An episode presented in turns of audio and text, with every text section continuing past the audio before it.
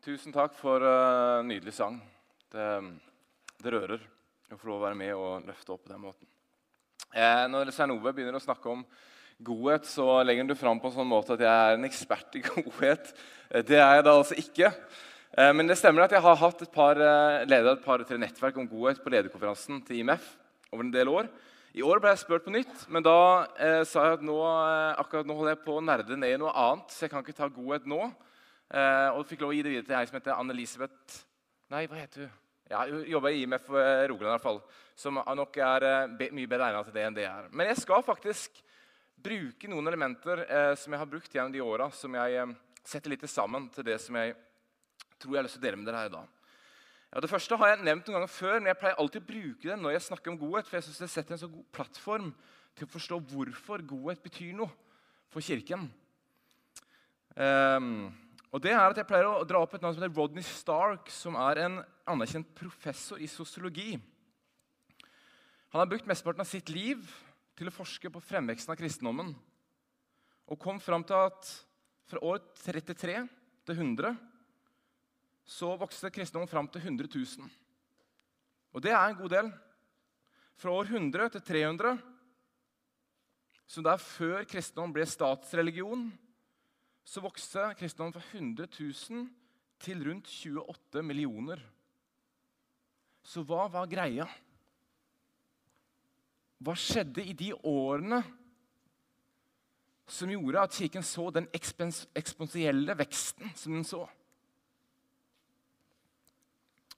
Én ting er jo at de hadde med en levende Gud å gjøre. Så Du kan ikke forklare alt, for du forholder deg til at inni det bildet her så er Gud og Gud gjør sånn som Gud vil. Så kan, men Sosiologen vil jo likevel se hva, er, okay, hva som kjennetegnet Kirken i disse årene. Og det vi vet er at Det ikke var snakk om eh, gigantiske kirkebygg. Ingen spesielle goder fra staten, ingen kristen kulturarv.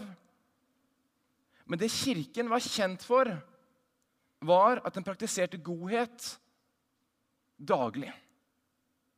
De var der for de svakeste. Og Stark skriver når epidemiene ramma og de fleste flykta Hva gjorde de kristne da? De flytta inn. De flykta ikke, de flytta inn. For de vil være med og bidra. Så når vi snakker om kirken her nå, så snakker vi ikke om megachurches, vi snakker om kanskje mindre fellesskap, huskirker, familier, hvor enn de oppsto. Men poenget var det at Kirken forsto seg selv som svaret på disse problemene som dukka opp.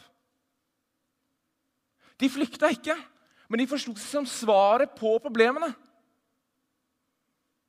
Fordi de var utsendt for å bety en forskjell, for å formidle det gode budskapet. Og det gode budskapet handler definitivt også om godhet. Om bety en forskjell for de som trenger det som mest.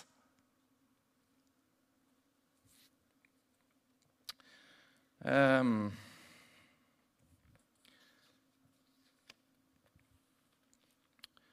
og um, disse menneskene må jo ha lurt på hva i verden er det med de kristne?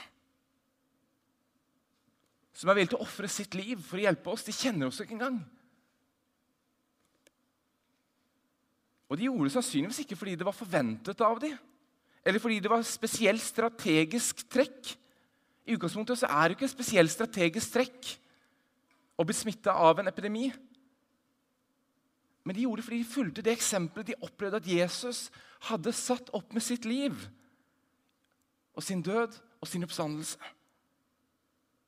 De var ikke opptatt av kulturarven, men hva betyr dette for mitt liv? Vi går i en tekst i Matteus 5, 13. Dere er jordens salt. Men hvis saltet mister sin kraft, hvordan skal det da bli gjort til salt igjen? Det duger ikke lenger til noe, men kastes ut og tråkkes ned av menneskene. Dere er verdens lys. En by som ligger på et fjell, kan ikke skjules. Heller ikke tenner man en oljelampe og setter den under et kar. Nei, man setter den på en holder, så den lyser for alle i huset. Slik skal deres lys skinne for menneskene, så de kan se de gode gjerningene dere gjør, og prise deres far i himmelen. Som jeg sa For noen år siden så leda jeg dette nettverket på lederkonferansen i Bergen. Og Den ene gangen jeg hadde det, så hadde jeg med meg en som heter eh, ikke sant? Det er det. Carl Erik Salberg heter han. Han er nå død. Jeg tror han døde for et år siden. eller noe. Han starta i en kirke i Stockholm som heter Santa Clara-kirken, som er del av den svenske kirken. Han kom dit eh, når det var tre stykker igjen i kirken på gudstjenesten. Og han fikk beskjed denne kirken skal legges ned, men du skal få en siste sjanse. Du skal få en siste sjanse til å snu dette om. De landa på å flytte kirken. altså Santa Clara-kirken den ligger eh, Jeg har ikke vært der sjøl, men så jeg forstått det, så ligger den midt i Stockholm. Så det er en veldig urban sted. Like rundt eh, togbanene og alt det som foregår der. Ok, videre. Eh, de valgte å flytte kirken til gaten utenfor. Hvor de prostituerte, narkomane og hjemløse bodde. Og de møtte dem med mat men også gjennom et åndelig liv. De første fem årene fikk de nesten ikke se noen flere som kom til gudstjeneste. Men sannsynligvis fikk de lov å oppleve at de virkelig betydde noe for mennesker som hadde behov for å bli sett. Men det ble ikke de store gjennombruddene. Og Så fortalte han om hvordan Gud, han opplevde, de opplevde at Gud leda det inn i mer bønn. Og Etter hvert så brukte de to timer daglig i bønn i den kirken, de som var en del av fellesskapet. Og også med de som var med på gata. Og det var egentlig, Karl Erik sa det han var oppe, det var egentlig imot min vilje. Fordi jeg opplegget at jeg hadde tid til å bruke to timer på bønn daglig. Men de gjorde det likevel. Og de begynte å se gjennombrudd for alvor. Narkomane og prostituerte så fikk dette livet lagt bak seg i møte med Jesus Kristus. Og som i dag har fått et nytt liv, utdannelse, familie, jobb, opplever seg som satt fri. Kirken vokste blant de som slet, men samtidig så vokste den blant de høyeste i samfunnet. For de så jo at her er det noe som er annerledes. Den vokste blant riksdagsmedlemmer, statsråder og til slutt kongeparet. Og Da var det beskrevet så nydelig hvordan det samme bordet som han spiste med kong Karl Gustav, var det samme bordet som han i går spiste med prostituerte Charlotta. Etter 20 år forlot han den kirken for å starte barnehjem i Tanzania. Bygde opp masse barnehjem der nede siste året av sitt liv. Det var ikke lenger tre stykk. Kirken var stappfull. Den var stappfull. Og på enkelte gudstjenester så var det statsråder til stede, kongelig til stede, i sammen med de narkomane og de prostituerte som delte det samme åndelige fellesskapet. Da har det skjedd noe. Det er en kirke som bærer fruktene av å ha vært lys og salt over mange år. Som jeg sa, Carl Erik Salberg er nå død. Men det er utrolig mange mennesker som står i takt av ham. Vi hadde med til Bergen. Så kom han, eh, kom fra Tanzania. Jeg vet ikke om han hadde glemt ut at Norden er litt annerledes. For det her er jo november. Så han kom liksom gående med sandaler i november. Eh, og det var, på det tidspunktet var veldig kaldt, så han måtte få hjelp til å måte, få klær som han kunne, som han kunne kle seg i. Så skulle han videre til, til Stockholm da, for å møte den kirken før han skulle dra videre. Så han var ikke helt kledd for, eh, for anledningen. Men eh, det var fint. Eh, vi går til Paulus, Galaterbrev 5 som egentlig er en tekst som går inn som handler om friheten i Kristus. Jeg leser. Til frihet har Kristus frigjort oss, så derfor fast, og la dere ikke tvinge under slavåk igjen. Litt lenger ned. For i Kristus, Jesus, kommer det ikke an på om en er omskåret eller uomskåret. Her gjelder bare tro, som er virksom i kjærlighet. Litt lenger ned. Deres søsken er kalt til frihet. La bare ikke friheten bli et påskudd for det som kjøtt og blod vil, men tjen hverandre i kjærlighet. For hele loven blir oppfylt i dette ene budet. Du skal elske det neste som deg selv. Og Så går da Paulus videre og snakker om hvordan vi som kristne ikke må leve etter bare det kjøttet vil, som fører til splid, egoisme, misunnelse osv. Men at vi skal leve etter det livet vi har fått i Ånden. Som han da betegner som Åndens frukter. Men Åndens frukter er kjærlighet, glede, fred, overbærenhet, vennlighet, godhet, trofasthet, ydmykhet og selvbeherskelse. Og så kommer den nydelige setningen Lever vi i Ånden, så la oss vandre i Ånden. Så Et poeng som er viktig og, forstå, og vesentlig forstå, er at livet med Gud og konsekvensene er av godhet og åndens frukter. Og Det handler ikke om å ta seg sammen. Dette er en konsekvens at jeg gir mitt liv til Kristus. Egentlig handler det om etterfølgelse. Om å vandre etter ham der han går. De menneskene han møter. Inn i de områdene av livet der jeg møter de menneskene. Få lov å se dem, få lov å høre dem, møte dem ta dem på alvor. Faktisk ønsker det beste for deres liv.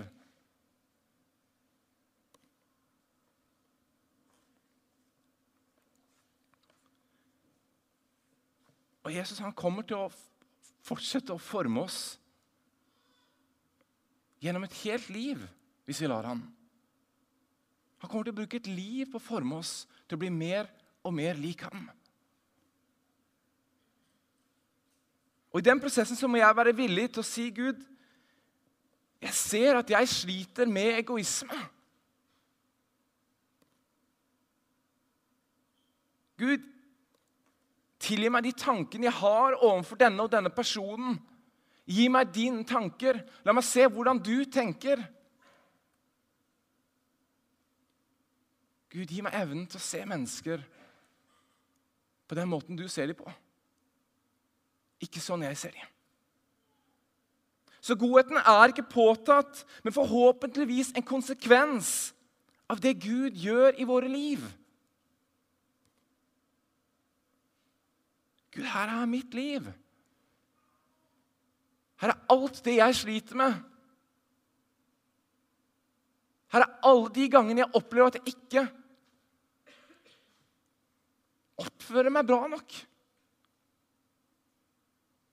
Ved ikke møte folk med kjærlighet.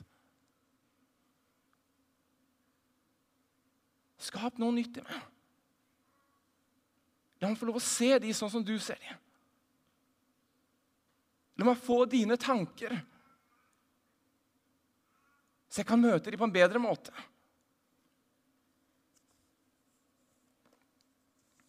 Eh, sist, sist jeg hadde, så var jeg innom at jeg holder på å forske litt for tida Eh, og Det ene spørsmålet jeg er innom å forske på, er jo det, det tok det opp sist gang, men jeg skal ta det en gang til nå.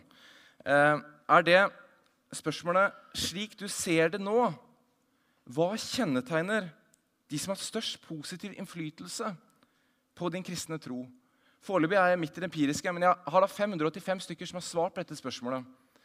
Og Her er det mange, mange mulige svarmuligheter. Bl.a. også det som går på sånn typiske kristne praksiser. Jeg opplever at de har brukt mye tid i Bibelen, jeg har ofte sett at de ber osv. Men på toppen, hva er det som kommer? De var omsorgsfulle. Livet deres var troverdig.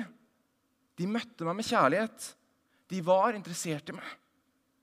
De ga meg tillit og støttet meg. De var sjenerøse i møte med andre. De hadde tid til meg. De opplevde at de levde slik de lærte. De inviterte meg med. De behandlet folk rettferdig. De var ydmyke. Hvordan vi møter folk, om vi ser dem, om vi bryr oss, om vi er interessert i dem Egentlig så er det, kan vi tenke at det er jo ingenting kristelig i de tinga der. For det er mange som ikke har noe med troen å gjøre, som har mye bedre på sånne ting. Og det tror jeg vi er helt rett i. Men samtidig så er det noe veldig kristent med det.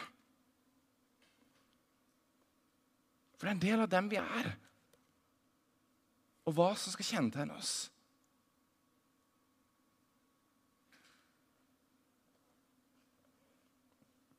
Så har jeg henvist det tidligere sist gang også, til åndens frukter. En del av disse tingene minner om det Paulus snakker om når han snakker om åndens frukter ting som skulle kjennetegne oss når vi levde og vandra i ånden.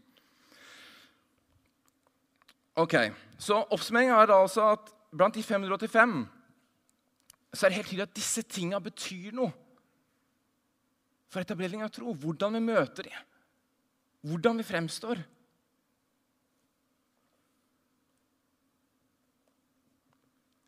Ikke undervurder det hverdagslige, varme mennesket.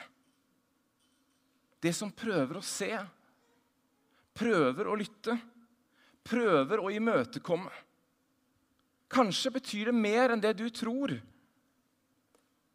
Ikke undervurder de tingene, små tingene du kan gjøre for menneskene rundt deg i livet. Du aner ikke hva det kommuniserer. Og så er problemet her nå, når jeg snakker på den måten her, så er problemet at da høres det ut som godhet bare er opp mot tro. At godhet da bare blir et middel til tro. Men har ikke godhet en egenverdi i seg selv? Uavhengig av hva det leder til. Og Dere aner trolig at jo, det har det. Vi skal tilbake til den teksten jeg også leste i oktober, talen jeg hadde, som er den første teksten i Lukas etter at, uh, djevelen hadde frista Jesus i ørkenen, så går det da ut, og så står det i åndens kraft vendte Jesus tilbake til Galilea, og ryktet om han spredde seg over hele området. Han underviste i synagogene og fikk lover av alle. Han kom også til Nasaret, hvor han vokste opp. og På sabbaten gikk han inn i synagogen slik han pleide. Da han reiste seg for å lese, rakte de ham profeten Jesajas bok. Han åpnet bokrullen og fant det stedet der det står skrevet:" Herrens ånd er over meg. For han har salvet meg til å forkynne et godt budskap for de fattige. Han har sendt meg for å rope ut at fanger skal få frihet, blinde skal få syn igjen. For å sette de undertrykte fri. Og Så sa jeg da i den talen også at de som var til stede der, forsto hva den teksten handla om. For den teksten her var veldig gode nyheter for de fattige og trengende. Og hva det var for en gammeltestet tankegang, var at hvert 50. år skulle det settes av en tid for frigjøring og gjenoppretting. Når israelittene skulle vende tilbake til sine forfedres land. Og Jesus sier nå foran denne folkemengden her I dag er dette skriftordet oppfylt mens dere hører på. Altså Det skrifter som alle forsto, handla om godhet. Og å bety en forskjell for de som virkelig trengte det. Jesus nå sier dette ordet handler om meg. Dette er mitt liv. Dette er den jeg skal være.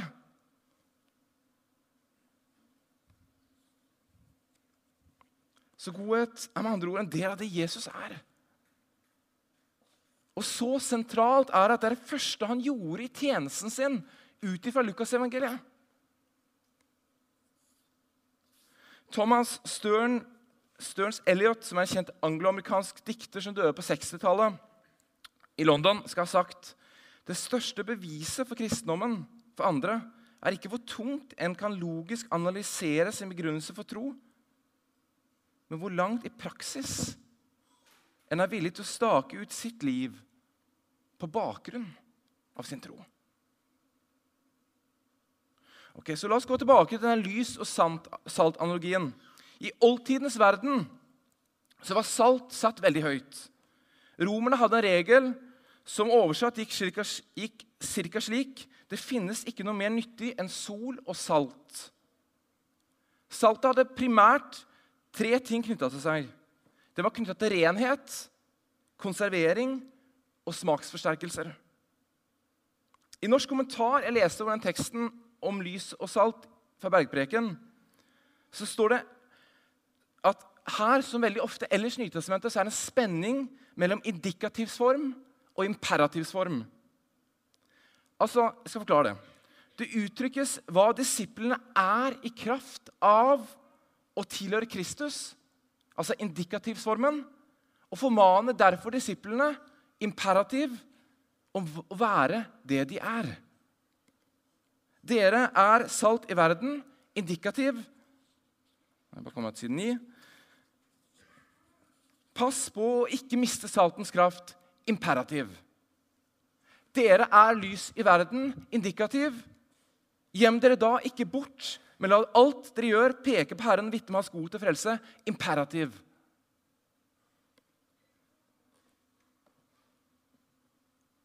Vi er det allerede. Vi har allerede fått det.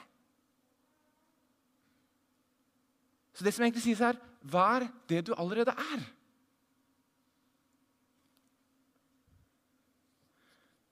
På sett og vis er det noe av det samme i, i disse bildene både om lys og salt, at begge deler skiller seg ut.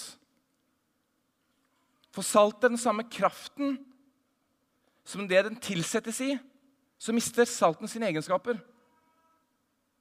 Denne hensikten er at det skal bety en forskjell, være annerledes. Mens lyset på sin side kjennetegnes med at det bryter mørket. Kanskje er det et interessant perspektiv å se godhet fra. Det utøves fordi vi allerede har mottatt det. Før i tiden så sa man at helgener er ikke selvlysende. På ikoner, gamle ikoner så vil det se at eh, i hvert fall de ortodokse ikonene, så vil dere se ofte at de fjesene er omgitt av gull. Og De skulle på en enkel måte fortelle at måten disse lever livet sitt på, de er så tett på Jesus at de reflekterer lyset av ham. og Derfor er det gull rundt fjesene. Poenget er at det er aldri en sologreie. De er alltid en del av et større fellesskap. Og Det ser vi også i den teksten. Det står aldri 'du', men det står 'dere', 'dere', 'dere'. Vi er hva vi er som etterfølger Jesus i et større fellesskap. Så det blir aldri alene vårt ansvar, men alltid Kirken sitt ansvar. Men viktigst av alt helgener er ikke selvlysende. Fordi det handler om avhengigheten til kilden som er Jesus Kristus. Og lev tett på ham. Du skjønner, Lys og salt det er ikke noe vi kan gjøre oss til. Jeg kan ikke bare gjøre salt.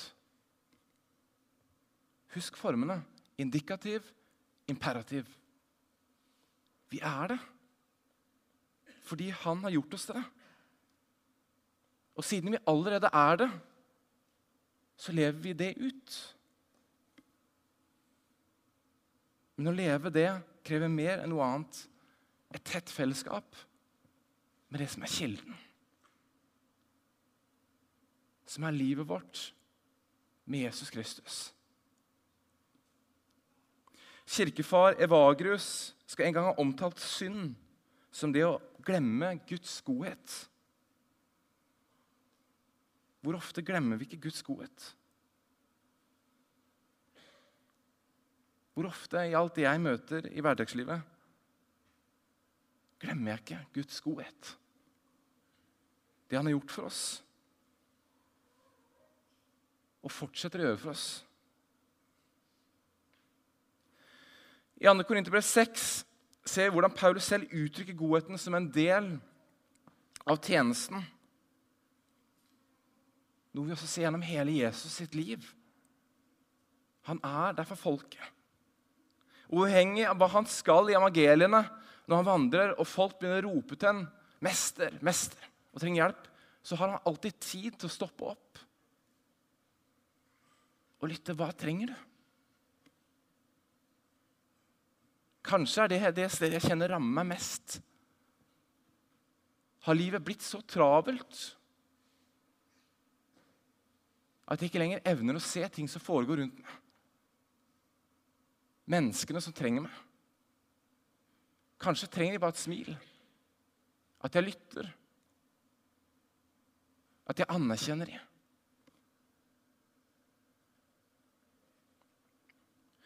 I 2. Korinterbrev 6 ja, så starter Paulus teksten med å si at vi gir ikke mennesker noen grunn til å bli støtt bort. Og så sier han, det er fra vers 7, tror jeg Vi går fram med redelighet og visdom, med tålmodighet og godhet. I Den hellige ånd, med oppriktig kjærlighet, med sannhetens ord og i Guds kraft, med rettferds våpen i høyre og venstre hånd, i ære og vanære. Baktalt og hedret. Godheten er en helt essensiell del av tjenesten. Av livet. Fordi godheten å møte andre med kjærlighet er helt en essensiell del av den kristne tro. Som strekker seg for å tjene sin neste. Og elske sin neste som seg selv. I eh, første krønikebok, fire, midt i etterlistene, så dukker det plutselig opp en nydelig bønn. Mange av dere kjenner sikkert den. Av en som heter uh, Jabe. Jeg hadde ikke skrevet den ned, men jeg landet på at jeg skulle lese den likevel. Um, det er midt i etterlistene. Det er ganske spesielt, for du, når du kommer til disse etterlistene, så uh, må jeg bare ærlig innrømme ja, du, du skummer bare. Fordi du orker ikke å lese alle navnene. Og så plutselig så kommer det bare så nydelig. Jabe var mer ansett enn sine brødre. Hans mor ga navnet Jabe, for jeg har født ham med smerte, sa hun. Jabe påkaller Israels Gud og sa, Å, om du ville velsigne meg Utvide mitt landområde og støtte meg med din hånd. Om du vil lagre så at jeg slipper ulykke og smerte. Og Gud lot ham få det han hadde bedt om. Når Jabe ber om velsignelsen om at landgrensene, grensene, kyststripene må bli utvidet, så er det lett å tenke for oss at det er en egoistisk innfallsvinkel. Men så må vi huske Jabe ber ikke spesifikt om hvordan eller når. Han ber bare om at Gud må komme med velsignelse over hans liv. Bruce Wilkinson skrev en bok om Jabe for uh, over 20 år siden. Uh, og jeg synes det er så fint Han betrakter sånn som det her. Han skriver da Jabe ropte til Gud, 'Utvid mine grenser', så han kanskje på sine egne omstendigheter og konkluderte 'Jeg ble vel født til mer enn dette'. Som gårdsbruker eller gjeter kikket han utover landområdene han hadde arvet av foreldrene, lot øynene følge gjerdene og merkesteinen, regnet ut potensialet og tok en avgjørelse. Alt har du overlatt i min varetekt. Herre, ta det og gjør det større. Og Så kommer han med et forslag en bønn om å utvide grensene kan se uavhengig ut hvilken yrke en har. Og Herre konge, Vær så snill å gi meg utvide muligheter og innflytelse på en måte som berører mange menneskers liv, til din ære. La meg få lov å gjøre mer for deg. På samme måte kan vi speile det òg innom vårt eget liv. Kanskje har vi satt opp noen grensesteiner i livet for lenge siden, og hvor vi ikke beveger oss utenfor. Et område hvor vi kjenner oss trygge innenfor. Kanskje er de grensesteinene satt så tett innpå at jeg alltid skal ha kontroll. At det ikke kanskje blir så mye plass til Gud for å få spillerom i mitt liv.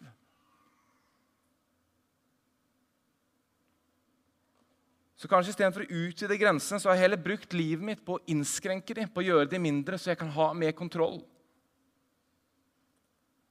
Men fortsatt kjenner vi på savnet. Følelsen Det må være mer enn dette. Da må vi på et eller annet tidspunkt stille oss spørsmålet er tiden inne for å begynne å flytte noen av grensesteinene lenger ut. For gi Jesus mer plass til å jobbe i mitt liv. Uten at jeg kanskje alltid har 100 kontroll. Godhet forandrer oss. Det forandrer menneskene rundt oss. Det forandrer samfunn. Og godhet har en verdi i seg selv. Det er ikke bare et middel. Evagrius gikk så langt som å antyde at, at synd er å glemme Guds godhet. Men godhet er ikke noe vi presterer. Men kanskje mer å slippe ut det Gud former i våre liv når vi lever tett på ham. Det å la ham få lov å forandre oss. Flytte de grensene langt nok ut til at jeg faktisk får rom til å komme på mitt liv og forandre meg.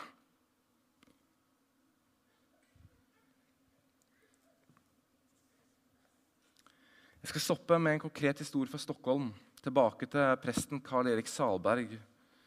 Noe av den, en av de historiene han fortalte der oppe, som eh, hadde satt spor i han, og som også satt spor i alle oss som var til stede når han sa det. Um, dette var en stund etter jeg hadde begynt. Så kom han da ned til det området hvor de narkomane vanligvis hadde vært. Og Det kom bort en narkoman til ham, for disse her ble jo veldig godt kjent med han, og sier det fins ikke mange misbrukere kvar her nå. Han sier ja, jeg har registrert det, for det var mest asylsøkere igjen der. Han spør da den narkomane hvorfor han tror det er sånn. Og Så sier Karl Erik det svaret jeg fikk, satte meg helt fullstendig ut. For Han forventa at han skulle svare polisen eller tiltak av kommune, eller et eller annet sånt, men da hvordan misbrukeren svarer den anden som er i er, er for sterk. Vi kan ikke være her. Den ånden som er i dere, er for sterk. Vi kan ikke være her.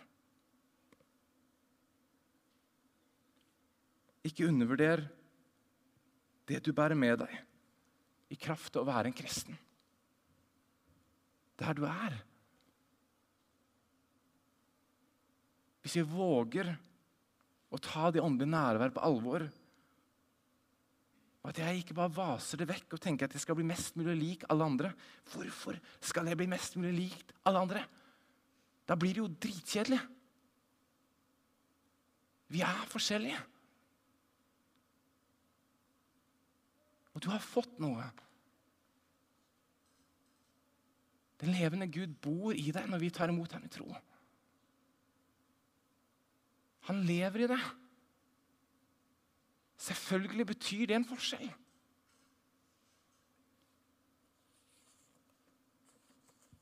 Faktum er vi er annerledes.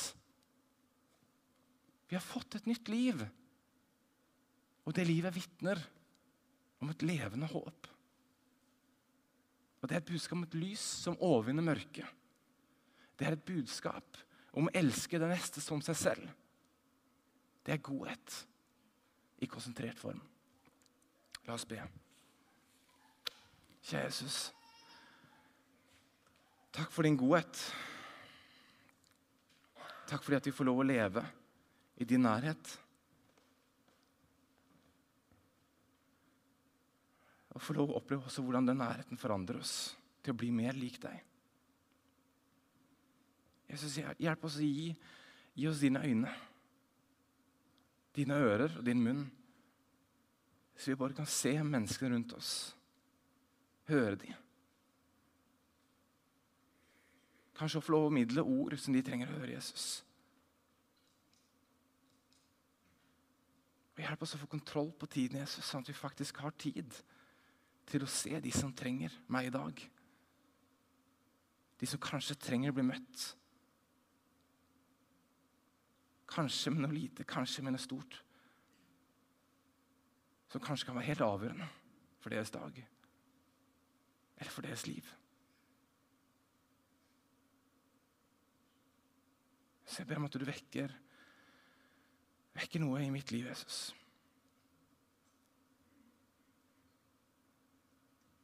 Hjelp meg å lytte til din stemme. Og hjelp meg å leve ut det jeg allerede er. Amen.